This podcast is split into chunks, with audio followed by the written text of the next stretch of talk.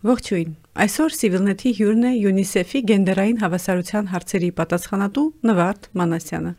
Ողջույն Նվարդ։ Բարև ձեզ։ Ես շնորհակալ եմ այս հրավերն ընդունելու համար, որտեղ սա իսկապես շատ կարևոր զրույց է, կարծում եմ, եւ լավ հնարավորություն քննարկելու կանանց հարցերը, կանանց դեմ բռնության հարցերը եւ իդեպ առաջին հարցս։ Ընդհանրապես կանանց մասին, կանանց հարցերի մասին, ներգրավվածության, բռնության հարցերի մասին խոսելը ըստ ձեզ անախրոնիզմ է այսօր 21-րդ դարում նախ շնորհակալություն հնարավորության համար, նաև կուզեմ ընդլայնել եւ խոսել կանանց եւ աղջիկների մասին, եւ խոսել որ բռնության մասին, որը շատ ակտուալ է եւ ոչ միայն ակտուալ է Հայաստանում, այլ ամբողջ աշխարհում։ Ամբողջ աշխարհում։ Այո, ամբողջ աշխարհում։ Եվ դա շատ սերտորեն փոխկապակցված է մի շարք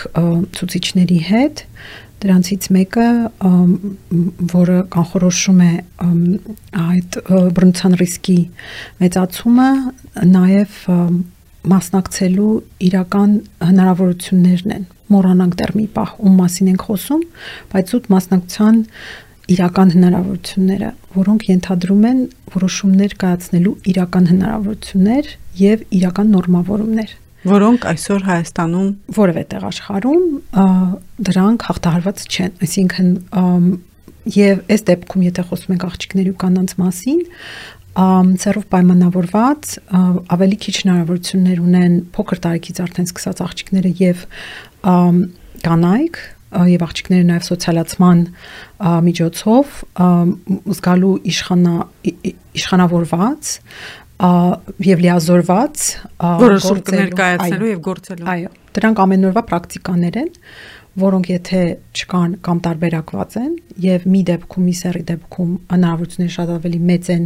մասնակցելու, որոշումներ կայացնելու, մյուսի դեպքում կան նորմեր, որոնք ենթադրում են, որ տվյալ կողմը չի ենթադրվում, որ պիտի որոշում կայացնի, կարող է խոսել, կարող է ներկա գտնվել, դրա համար եմ ասում իրական մեխանիզմների մասին մասնակցության այդ դեպքում արդեն ռիսկերը սկսում են ձևավորվել նվարդ այդ լիազորելու ինստիտուտը որտեղից պետք է սկսվի?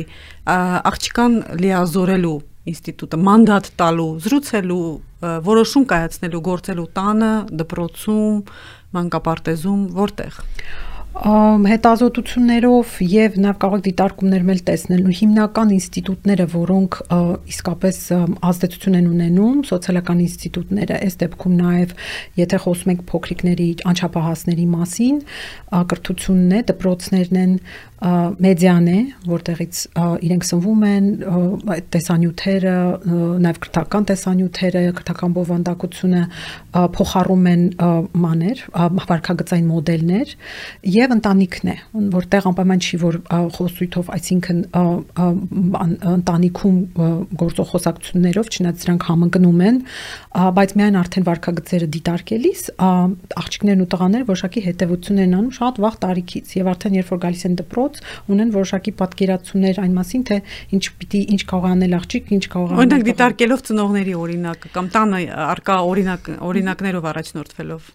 Եթե անգամ դպրոցում այլ մոդելներ են քարոզվում, այդպես է։ Օրինակ ինչն են դիտարկել եւ ուսումնասիրել եւ տեսել են այդ տարբերակումը աղջիկները նայելով մայրիկների աշխատանքին տանը եւ նայելով հայրիկներին, հայրիկների գործողություններին վարկագծին որոշակի հետևություններ են անում, թե աղջիկները, թե տղաները եւ արդյունքում որոշակի տարբերակում է սկսում մուտ գործել իրենց ընկալումները, երբ տղամարդու կատարած գործերը եւ տղամարդու վարկագիծը ընդհանրապես ավելի արժևորվում է եւ կնոջ կատարած աշխատանքը եւ դրանով փոխկապակցված վարկագիծը շատ ավելի այսինքն հակառակությամբ թերարժևորվում է օրինակ օրինակ դա, երբ որ ունես ընտանիքում հստակ բաժանումներ, հա, եւ որոնք որոնք կան եւ իմջայլոց Հայաստանն այդ իմաստով բավականին բաժանված ծնողավարություն ունի, երբ մայրեր ունեն որոշակի գործառույթներ, հայրիկները այդտեղ չեն խառնվում, կարող են որոշակի աջակցող վարկագիծ ունենալ եւ հակառակ, հա, հայրիկները ունեն որոշակի այլ գործառույթներ, որտեղ իրենք առանցքային դերակատարներն են եւ մայրիկները կարող են աջակցել։ Եվ այսօր դպրոցն դպրոցը կրթությունը եւ մեդիան նաև վերարտադրում է, տիրաժավորում է նաև այդ կերպարները, այդ կարծրատիպերը։ Այո, եւ արձանագրված է հետազոտություններով, նաեւ փորձագիտական ուրեմն եզրահանգումներով, մասնավորապես հիմնական կոնվենցիաների կոնվենցիաների հետ ուղեկցվող այդ ռեկոմենդացիաները, առաջարկությունները, որ տրվում են, հենց խոսում են խտրական սոցիալականացման մասին եւ խոսում են այդ գենդերային կարծրատիպերի արկաշրջանառության մասին օրինակ երկու կարևոր սոցիալական ինստիտուտներում, ինչպիսին մեդիան է եւ կրթությունը այսինքն ես նորություն չեմ ասում, դրանք արդեն Հայաստանում էլ սկսել են ուսումնասիրվել ու մենք ունենք այդ արդյունքները, տարբեր կառույցներ են իրականացրել, տարբեր հետազոտական խմբեր են արել, դրանք իսկապես ազդում են եւ դրանք մի ամբողջ համակարգ են ստեղծում, որը տղամարդու եւ կնոջ, տղայի եւ աղջկա համար այլ վարքագծային մոդելներ է ենթադրում, որոնց հետ միասին կան նաև այդ մոդելները վարքագծային խախտելու դեպքում որոշակի ես չգրված պատժամիջոցներ եւ դրանք տարբեր խստության պատժամիջոցներ են եւ այդտեղ է որ մի կողմը շատ ավելի քիչ հնարավորություններ ունի որոշումներին հավասարապես ներկա լինելու, մասնակցելու եւ կայացնելու եւ երբ որ դու որոշումներ չես կայացնում եւ երբ որ դու քեզ չես նկատնում եւ ինքնությամբ նկարագրող բուն աղբյուրը եւ առանց կդու չես այդտեղ շատ խնդիրներ են առաջանում այդ թվում նաեւ գենդերային հենքով բռնության որը միայն կանանց չի որ ուրեմն կանանց նկատմամբ չի այլ նաեւ աղջիկների եւ տղաների ուղղակի մենք շատ ենք խոսում կանանց մասին որպես ամենաշատ արձանագրված խումբը որ էլի շատ չի արձանագրվում այսինքն շատ չեն հաղորդում դրա մասին աշխարհում աղջիկները շատ ավելի քիչ են հաղորդում իրենց հետ կատարված դեպքերի մասին աշխարհում մի տոկոսն է որ խոսում է մասնագետների հետ փորձում է լուծել իր խնդիրը, երբ բռնության է ենթարկվում, իսկ Հայաստանում այդ ցուցանիշը մեկից ավելի գնահատված, մեկից ավելի ցածր է դրա համար խոսում ենք շատ աղջիկների եւ կանանց մասին։ Քանի որ խոսեցիք կանանց դեմ բռնության մասին, ուզում եմ ասել, որ նաեւ մեր հանդիպման տեղեկատվական առիթներից մեկը շաբաթներ առաջ փողոց փողոցում տեղի ունեցած միջադեպները, երբ ամուսինը մեքենայից հանում է կնոջը եւ հրաապարականորեն ծեծի ենթարկում, այնտեղ որոշ մարդիկ փորձում են միջամտել, սպառնալ, լուսանկարում են, տեսանկարում են, հենց այդպես է տեսանյութը հայտնվել համացանցում, բայց մենք տեսնում ենք, որ գործուն միջամտություն կամ պաշտպանություն այդպես էլ տեղի չի ունենում եւ այստեղ ուզում եմ IRI-ի հետազոտության որոշ տվյալներ բերել, հարցման արդյունքներ, մարդկանց հարցրել են թե ինչ պետք է անեն եթե տեսնեն բռնություն եւ նրանք պատասխանում են. Ընտանիքն ինքը պիտի լուծի իր խնդիրները 74% դա իմ գործը չէ 25% ես չեմ ուզում գործ ունենալ ոստիկանության հետ 24% ինքս կօգնեմ նրանց 10% եւ ավելի մանր տոկոսներ հավաքած այլ պատասխաններ ըստ էության տեսնում ենք 74% սա ինչ է անտարբերություն է արդյոք սա վկայում է այն մասին որ մենք բռնություն հանդուրժող ենք որպես հանրություն ինչպես կմեկնահանեք այս տվյալները էության եթե ամբողջացնենք միայն 10% դեպքերում կա հանձնառություն միջամտելու ու դա ինձ չի զարմացնում մենք վերջերս ենք ամփոփել մի հետազոտական կազմակերպության հետ համատեղ իրականացրած չափումներ որակական չափումներ որոնք զուգորդվում էին իրական ֆիլմի հերարցակման հետ բազմասերիանոց ֆիլմի հանրային հերոստատեսության, որտեղ հենց փորձում ենք հասկանալ դիտողները ինչ դիրքորոշումներ ունեն, ինչպես են ընկալում բռնությունը եւ ընտանեկան բռնությունը եւ ինչպես են արձագանքում, ինչպես են տեսնում տարբեր դերակատարների գործողությունները կամ անգործությունը, ինչպես են դրանք նորմերի տեսանկյունից սանկցավորում եւ այստեղ ուզում եմ ասել ընդհանրապես որ ասենք օրենքներով կարգավորված վարքագծերի դեպքում եք շատ հստակ տեսնում ենք թե ինչն են կարգավորել, չէ, օրենս դրական որևէ փաստաթղթով, ինչպես են դա կարգավորել եւ որոնք են այն պատժամիջոցները, որոնք կհետևեն, եթե մենք խախտենք այդ կանոնները։ Նորմերի դեպքում եւս կան ուրեմն կանոններ, որոնք չգրված են, որոնք կանոնակարգում են մեր խմբային մեր խմբային ընկալումները ու վարքագիծը այսինքն ակտիվ վարքագիծը, որ մենք դրսևորում ենք։ Եվ այդ ակտիվ վարքագիծը խախտելու դեպքում եւս կան չգրված որոշակի պատժամիջոցներ, որոնք մենք խմբով, ասենք, իրականացնում ենք, հա, խոսքերի տեսքով։ Դրանք շատ տարբեր կարող են լինել, ամեն նորմի դեպքում դրանք առանձին պիտի ուսումնասիրվեն ու դուրս բերվեն Ընտանեկան բռնության դեպքում, որ այդ գենդերային բռնության այդ մեծ ավելի տարաբնույթ բռնությունների համախմբում, որ այդ անհավասարության հենքով է իրականացվում եւ հնարավոր դառնում, շատ հետաքրքիր էր տեսնել այն ընկալումները, որ ունեն մեր դիտողները։ Առաջինը, որ իսկապես այնպես ինչպես նաև այդ հետազոտությունը, որ դուք մեջ բերեցիք, ընտանիքը ինքը պետք է լուծի։ Այո, ընդհանրապես չմիջամտել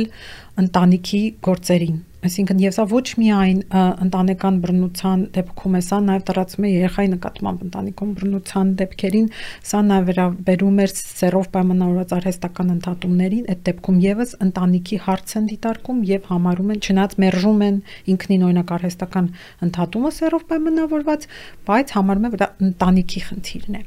Մյուս խնդիրը որ կա, ելի պիտի կամ այդ որոշումների կայացման նորմերում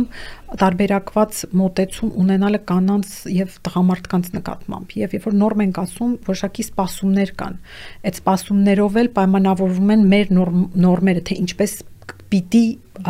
իրեն պահի կինը ինչպես պիտի իրեն պահի տղամարդը կնոջ նկատմամբ բռնությունը մերժվում է միայն այն դեպքում երբ կինը իր տեղը ես հիմա շատ ավելի առարկական եւ ժողովրդական լեզվով ասեմ, երբ կինը իր տեղը իմացել է միշտ, ոչ մի իմաստով չի խախտել իրենից սպասվածը, ակնկալիքները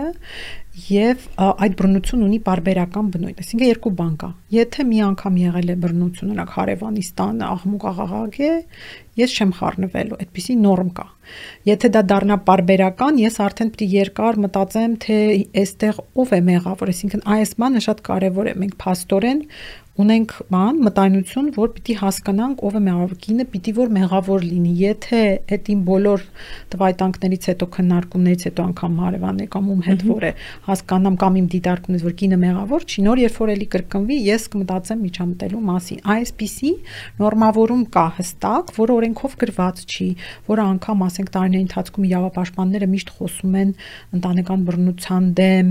եւ փորձում են խնդիրը հա, համապարփակ լուծման բերել եւ ոչ միայն նրա պաշտպաններ, այլ նաև պետությունը, բայց այս արմատական վարկագծային մոդելները, որոնց արմատներում նորմերն են, իրենք կարգավորում են մեր այ այ ձեր տեսանյութում տեսածը, երբ որ դուք արձանագրում ես որոշակի շարժում, բայց այն հստակ չի եւ կտրուկ չի եւ մի անգամից չի արձագանքում բռնարարին մեկուսացնելու եւ վտանգը մեկուսացնելու ուղությամբ։ Եվ այստեղ ուզում եմ նաեւ ընդհատել ձեզ, այդ կինը մեղավոր է, ուրեմն մի բան արել է այս ձևակերպումն էլ ծայր աստիճան վիճելի է, ծայր աստիճան հարաբերական է, որտեղ որպես մեղ կարող է վերագրվել ցանկացած բան, հայացք, շարժում, խոսք եւ այլն, այդպես չէ։ Ինչպես պետք է արմատախիլ անել նաեւ այս մտայնությունը, այս մտածողությունը շատ տարբեր փորձեր կան տարբեր երկրներում դրանք ուսումնասիրվել են ես միշտ տարբեր զրույցներում երթևեկության կանոնների մասին եմ երթևեկության կանոններին եմ հաղումանում, որովհետև շատ ավելի տեսանելի շոշափելի է, չնայած որ երթևեկության կանոնները մեծապես ավելի փաստացի դիտարկում են եւ փաստացի օրենքով կանոնակարգված հարաբերություններ են ունենալով նորմային հատվածի հարկ է, որտեղ դու կարող ես ունենալ ամբողջ երթևեկության անվտանգ երթևեկության կանոնները, բայց վարկագծում օրինակ տեսնել խախտումներ եւ մասնավորապես շատ հետաքրքիր եւ ուսումնասիրված դեպք է Բոգոտայի դեպքը ինչպես են օրինակ կարողացել այդ խնդիրը լուծել, երբ բոլոր երթևեկության նշանները կար, հետնյոտնի առանձնացված անցման տեղերը կան, բայց թե հետնյոտները, թե ավտոմեքենաները չէին պահպանում կանոնները։ Եվ ասենք օրինակ ժամանակի քաղաքապետը բավականին հայտնի մարդ է, Անտանաս Մոկուս, ինքը այդ նորմերի փոփոխությանը ուղված քաղաքի, երբ քաղաքապետներ, քաղաքի մակարդակում սկսել էր միջոցառումներ իրականացնել, որոնք ասենք ոչ կոնվենցիոնալ են թվում, երբ նայում ես, բայց նրանք արդեն սկսել են տարածվել շատ ուրեմն արդեն սկսել են ընկալված գործիք դառնալ, երբ ուզում ես վարկագիծ փոխել։ Ինչ կարող է անել պետությունը այս դեպքում։ Ունենք մի նորմ, որտեղ փաստորեն ասում են, որ պետքա մի հատ հասկանանք, որ եթե կինը մեղավոր չի կամ աղջիկը մեղավոր չի, ու դուք շատ կլսեք, որ իրավապաշտպանները պատմում են, որ երբ օրինակ իրավապահ մարմինները հարց ու փորձ են արդեն նախաքննություն է գնում, սկսում են հարցնել ինչ է իր հակել, ուղղորդում են ուրիշ հարցեր են տալիս նույն ասենք բռնության ենթարկվածին ունենալով հասկանալ կարող է իր վարկագծում մի բան այնպեսին չի եղել, որ պրովոկացրել է, ասենք օրինակ է սեռական բռնությունը։ Այսինքն այդպիսի նորմ կա, երբ որ փորձում են նույն բռնության ենթարկվածի վարկագիծը վերլուծել եւ նրա մեղքի բաժինը այս ամենում հասկանալ։ Անկամ իր եւ դրա մասնակից է նաեւ հենց իրավապահ համակարգը։ Այո, այդ որտեվ ինքը նորմ է, ինքը այսինքն չգրված օրենքներ են, որտեղ ինչ որ իմաստով նաև այդ կարծես թե բարոյականության որոշակի բաներ կան անկալումներ, որոնք մենք բանաձևել ենք որպես հասարակություն ու ունենք այդ վարկագծային մոդելը։ Պետությունը կարող է, օրինակ ասել, որ բռնությունը մերժում է եւ դա մերժված է սահմանադրությամբ մեր բոլոր օրենքներով։ Հիմա ինչ անենք, որpիսի այդ բռնությունը աներկբա մերժող նորմ ձևավորենք, որ այստեղից տանենք մարդկանց դեպի մի նորմ, որտեղ անկախ այն ամենից, թե ինչ պայման ներում է ընթացել դեպքը բռնության բռնություն գործադրող կողմի գործողությունները պիտի կասեցվեն եւ ենթարկվեն պատասխանատվության։ Դրա համար կան մեդիա միջոցներ եւ վաղուց արդեն շատ լավ եւ գործիքավորված եւ չափագրված է թե ինչպես կարելի է հանրությանը աստիճանաբար մեդիա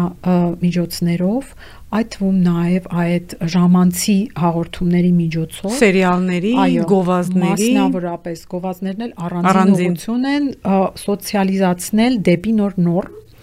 մինչև որ իրենք կսկսեն արդեն հրաժարվել հին նոր մոդելներից նորմից։ Իհարկե այդ աշխատանքները մեդիա մեդիա սոցիալական ինստիտուտի միջոցով նաև զուգորդվում են այլ աշխատանքներով գետնի վրա, ասենք համայնքներում եւ այդտեղ էլ օրինակ կախված նրանից թե որ նորմն է, հին նորմն է թիրախավորված եւ դեպի ինչ նորմ են գնում, դերակատարները այդ համայնքներում աշխատանքի կարող են կտրուկ փոխվել, որտեվ ինքը падգամը շատ կարևոր է, բայց թե ով է նաև ասում այդ падգամը, ով է հաղորդում, էլ ավելի կարևոր է։ Իսկ այդ երկու բաները պիտի միշտ ընտրվեն եւ ամեն ինչ պիտի ուսումնասիրվի։ Այստեղ ճիշտ եմ հասկանում, որ խոսք է գնում արդեն պետության հստակ սահմանված քաղաքականության եւ ռազմավարության մասին, որը մեկը միշտ ընդունվելով այլևս պետք է կոմունիկացվի մեդիայի, կրթության եւ այլ խողովակներով։ Այդտեղ կարող են լինել թե նորմավորող միջոցառումներ, որտեղ ելնելով արկա օրենսդրական դաշտից եւ պահպանելով բոլոր իրավունքները, պետությունը կարող է կարգավորել հարաբերությունները եւ կարող է որոշակի ելնելով էլի օրենսդրական պարտավորություններից եւ սահմանադրությունից ուրեմն նոր պարտավորություններ սահմանել, որոնք օրինակ կանոնակարգեն բռնություն ունեցող որևէ բովանդակության հերարցակումը այսինքն դա չի նշանակում որ դա կանխվում է օրինակ ինձ կարող են հաճախ հակադարձել որ ահա աստորեն այն ֆիլմերը որտեղ բռնության տեսանելին արկել ոչ այդպես չի բայց կան ձևեր որով այն բռնությունը որը ցույց է տրվում ինքը տրանսֆորմացվում է այնպես որ մարդը հետևությունները իր համար անում որը այդ վնասակար եւ վտանգավոր նորմի վերահաստատումը չի, այլ տանում է դեպի նոր եւ օգտակար նոր։ Կերպարի փոփոխություն ընթացքում։ Այո, եթե խոսում ենք ժամանցային հաղորդումների բազմասերանց կամ ընդհանրապես ֆիլմերի մասին, այդ թվում նաեւ օրինակ երբ ասում եմ ստեղծագործական ազատություններ, ես կարող եմ շատ խնդրահարույց ֆիլմ հիշել վերջերս մեծ էկրանների ցույցը, ու վերջերս մի 2 տարի առաջ, որը անկեղծ բռնություն ցույց տալով շատ ավելի ցույց էր տալիս բռնության անատոմիան եւ փորձում էր մեսիջեր տալ։ Ինքը լինելով արվեստի գործ, այդ խնդիրը նաեւ շատ լավ կարողացել էր լուծել, այսինքն մշակույթը չի կարող երբեք գնալ հակադիր լինել մարդու արժանապատվությանն ու արժեքներին եւ մասնավորապես իրավունքներին եւ այդ տեսանկյունից էլ կոնֆլիկտ չկա։ Այսինքն բաներ կան, որոնք շատ կարելի է կարգավորել այդ ուղությամբ եւ հետո նաեւ իհարկե աշխատանք տանել իրազեկման, որտեվ հաճախ ասենք օրինակ ես վստահ եմ, որ եթե մարդիկ շատ ավելի մոտից ծանոթանան այդ մեխանիզմներին, որով կարելի է դեպի լավ նորմեր բոլոր էթիկական բաները հիմքերը հաշվի առնելով օգնել որպիսի խմբային վարքագծերը ու վարքագծային մոդելները գնան, շատերը կուզենան կամովին միանալ այդ ամեն ինչին։ Ասենք օրինակ մենք հերոստատեսության հետ մեր աշխատանքներում երբեք չհանդիպեցինք դիմադրության, թակառակը մեր առաջարկություններն ու աշխատանքը ողջունվում էին մեծապես, ինքն դա էլ մի թյուր ընկալում է, որ այն հիմնական խաղացողները կարող են խնդիրներ ունենալ կամ դիմադրել այդ համատեղ եւ օգտակար աշխատանքին։ Մենք որպես պետություն այսօր որքանով ենք հերու այդ նոր նորմերը սահմանելուց առնվազն ինչ որ աշխատանք, ինչ որ առաջընթաց տեսնում եք այս ճանապարհին գոնե վերջին 2-3 տարիներին, եթե հաշվի առնենք, որ հայտարարվել է արժե համակարգի փոփոխության, նոր իրականության հինը մերժելու մասին դպրոցում եւ օրինակ դպրոցում չափորոշիչները փոխելիս շատ հետաքրքիր էր տեսնել, որ իհարկե չափորոշիչները բավականին բավականին լայն շրջանակ են սահմանում, բայց թե ինչպես են գրված եւ ինչ լեզու են օգտագործում, հնարավորություն է տալիս հասկանալ, որ կա այդ ինտենցիան եւ այդտեղ շատ ակնհայտ երևակվում էր այդ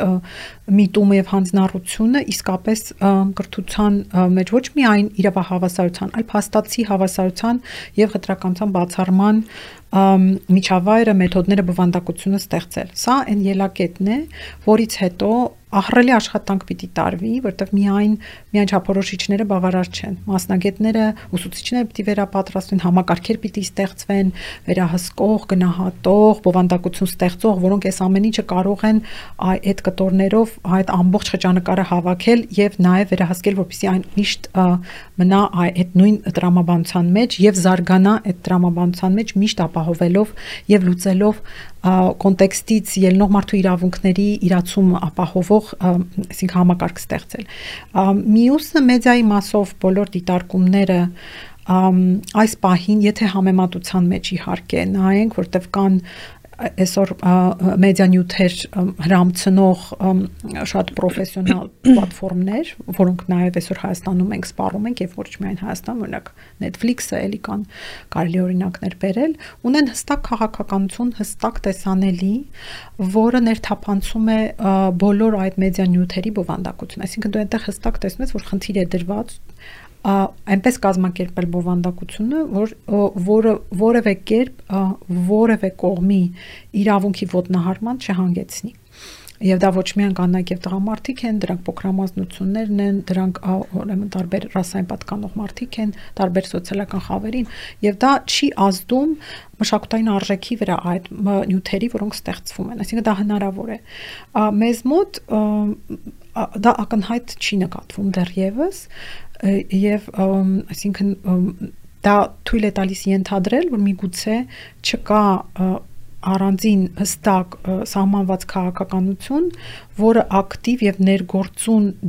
դիրքորոշում ունի, ասենք օրինակ ժամանցային բանի հաղորդումների նկատմամբ, այլ հաղորդումների նկատմամբ, որովհետև մենք վարկագիծ սովորում ենք թե մտածածին կերպարներից, թե նաև իրական, ասենք օրինակ, լրատվական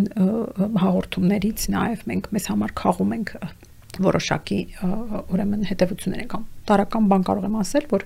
երբ հերոստահաղորդավարները հավասարապես ներկայացված են, թե տարիքային, թե սեռային իմաստով, դրանք ըստ էության շատ ավելի հնարավոր են դարձնում ներառվածությունը տարբեր տարիքային խմբերի եւ նաեւ սերերի համար։ Այսինքն լրատվամիջոցները, մեդիան նաև իրենց առաջատար հաղորդումներում կամ հերարցակումներում նույնպես պետք է փորձեն հետամուտ լինել գենդերային, եթե ոչ 100%-անոց հավասարություն ներկայացնելուն, ապա գոնե ինչ որ massամբ այդ հավասարությունը պահպանելուն։ Իհարկե, նախ սահմանադրությամբ մենք բոլորս պարտավորված ենք եւ այդտեղ չկա ոչ մի սուբյեկտ, իրավական թե ֆիզիկական, ով դուրս է այդ կարգավորումից եւ մեր սահմանադրությամբ հստակ սահմանված է որ երաշխավորվում են այդ բոլոր իրավունքները եւ նաեւ երաշխավորվում է կանանց եւ տղամարդկանց փաստացի հավասարությունը դա ապահովելու համար ամեն մի սուբյեկտ ունի իր արժեվ դրված խնդիրներ, որոնք ինքը պետք է կարողանա լուծել, որպեսզի երաշխավորի այդ իրավունքի իրացումը։ Ես ուզում եմ վերադառնալ կրկին 2018 որովհետև եթե մենք հիշենք վեր հիշենք 2018-ի հեղափոխությունը, ամենայն դեպս այդպես է ընդունված անվանել 2018-ի դեպքերը, շարժիչ ուժը այդ հեղափոխության կանայք էին մենք հիշում ենք։ Այնուհետև երբ եկավ նոր իշխանությունը եւ Նիկոլ Փաշինյանը ազգային ժողովում հայտարարեց, որ այսուհետև պետք է կանայք շատ ակտիվ դեր ստանձնեն, պետք է ներկայացված լինեն, ներգրաված լինեն, այսօր մենք ունենք մի կառավարություն, որտեղ ունենք մեկ կին նախարար ուզում ձեր կարծիքը լսել ինչը ինչը սխալ գնաց այս ընթացքում երբ խոսվում է կանանց զորեղացման մասին ի վերջո այդ զորեղացումը ում գործն է կանայք իրենք իրենց պետք է զորեղացնեն տղամարդիկ պետք է զորեղացնեն ինչպես եղավ այս խախտումը այս խոսքի եւ գործի միջև այս խզումը բավականին բարդ հարց եք տալիս մի մասին ես իմ մասնագիտացմամբ եւ ուրեմն զբաղեցրած պատասխանատվություն ելնելով չեմ կարող արձագանքել այդ փորձառությունը ճունեմ եւ շատ ավելի քաղաքական վերլուծաբանները այս ուղությամբ նաեւ մասնագիտացած եւ իրավապաշտպանները կարող են վերլուծել ես ավելի կգնամ այդ հարցի այն մասին որտեղ դուք ասում եք ով պիտի ինքն իրեն իշխանավորի կամ լիազորի լիազորի ես նորից գնալու եմ մի քիչ շատ համեմատությունը եւ անալոգիան բավականին հեռու է բայց աղերսներ ունի երբ ուրեմն երթևեկության մեջ դուք որոշեք կարմիր լույսի տակ անցնել բացի այն որ կա պատժամիջոց օրենքով սահմանված դուք գիտեք ինչ կարող է ձեզ հետ լինել Նորմերի դեպքում կան նորմեր, որոնք շատ խիստ չգրված պատժամիջոցներ ունեն։ Եվ թեև ինքը կինը իր սուբյեկտայնությունը պիտի վերականգնի եւ ուրիշ ոչ ոք դա իր փոխարեն չի անի, կան բաներ, որտեղ պետությունը պատասխանատվություն ունի փոխելու նորմատիվ կանոնները եւ զսպելու կամ մեղմելու այն նորմատիվ պատժամիջոցներ, որոնք արկա են եւ դրանք անելու շատ ակտիվ եւ ներգործուն քաղաքականությամբ, որpիսի այն սուբյեկտը, որը գոյացել է, ինքը կարողանա եւ կա, ինքը կարողանա իրացնել իր իրավունքը։ Այսինքն այստեղ երկու բան կա։ Մի կողմից պիտի ուրեմն լինի սուբյեկտը, օրինակ երթևեկության դեպքում կա սուբյեկտ։ Մյուս կողմից պիտի կանոնները վերասահմանվեն եւ իհարկե այդտեղ կանանց կողմից բարձրաձայնումը խնդրի շատ կարեւոր է եւ անփոխարինելի բայց այն չի կարող լուծում ստանալ երբ ամբողջ համակարգը դրան ակտիվ եւ պատասխանատու մոտեցում չի ворթեգրում կամ ընդդիմանում է կամ ընդդիմանալու դեպքում շատ ավելի բարդ է ամեն ինչ իհարկե անհնար չի պատմությունը ցույց է տալիս եւ մեր առաջընթացը ցույց է տալիս բայց շատ-շատ ավելի դժվարացնում է գործընթացը եւ իրավունքի խախտումն ավելի իրավունքների խախտումներն ավելի հավանական ու ռիսկային են դառնում Մենք երկար ճանապարհ ունենք անցնելու։ Այո, եւ մեծ հնարավորություն ունենք շատ գրագետ քաղաքականություն ձևավորելու եւ ոչ մեկը այլ այլ բազմաթիվ բազմագործոն շատ խաղացողներով, այս ամենը Ովքեր են այդ խաղացողները նվարդ, եթե կարելի է։ Սոցիալական ինստիտուտների պատասխանատուները, օրինակ մասնավորապես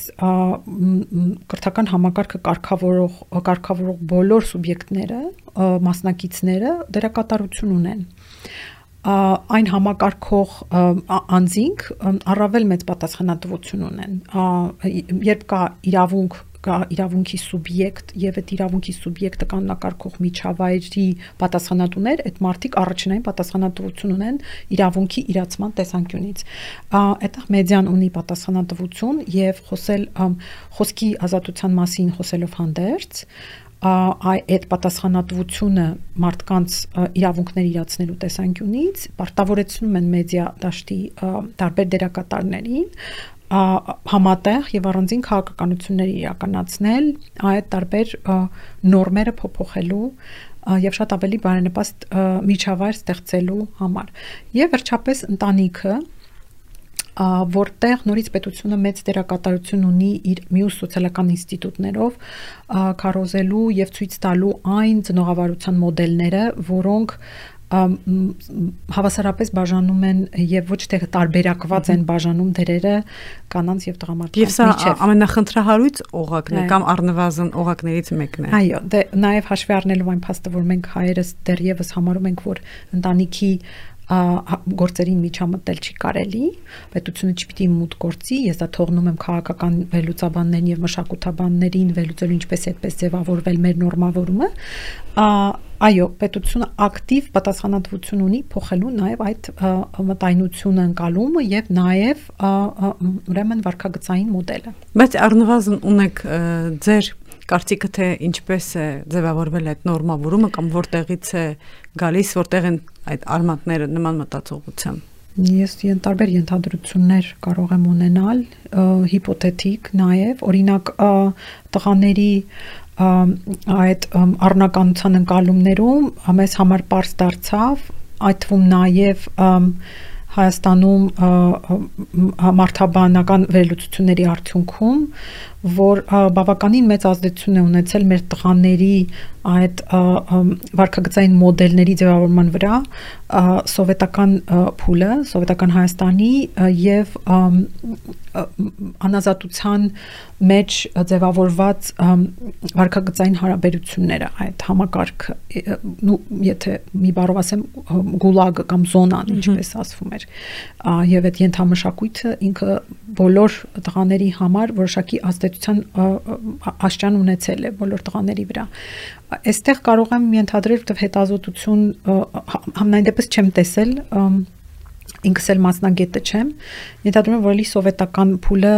ազդել է եւ ոչ միայն սովետական, այլ նաեւ հայերի այլ պետություններում տիրապետության տիրապետության տակ ապրելը որտեղ հնարավոր է որ պետության միջամտությունը դիտարկվեր որպես ռիսկ եւ մերժվել է եւ կարողացել են խմբային պայմանավորվածությունների գալ, այսինքն սա պիտի ուսումնասիրվի, երբ հնարավորինս լուծել են, կարգավորել են հարցերը առանց պետությանը դիմելու։ Բայց դա իհարկե շատ հիպոթետիկ հայտարարություն է, որը պիտի վերլուծվի։ Ես շնորհակալ եմ Նվարդ հյուրընկալվելու եւ ըստ իս այս կարևոր զրույցը մեզ հետ ունենալու համար։ Շնորհակալություն այս հնարավորության համար։ Հիշեցնեմ Civilnet-ի հյուրներ UNICEF-ի գենդերային հավասարության հարցերի պատասխանատու Նվարդ Մանասյանը։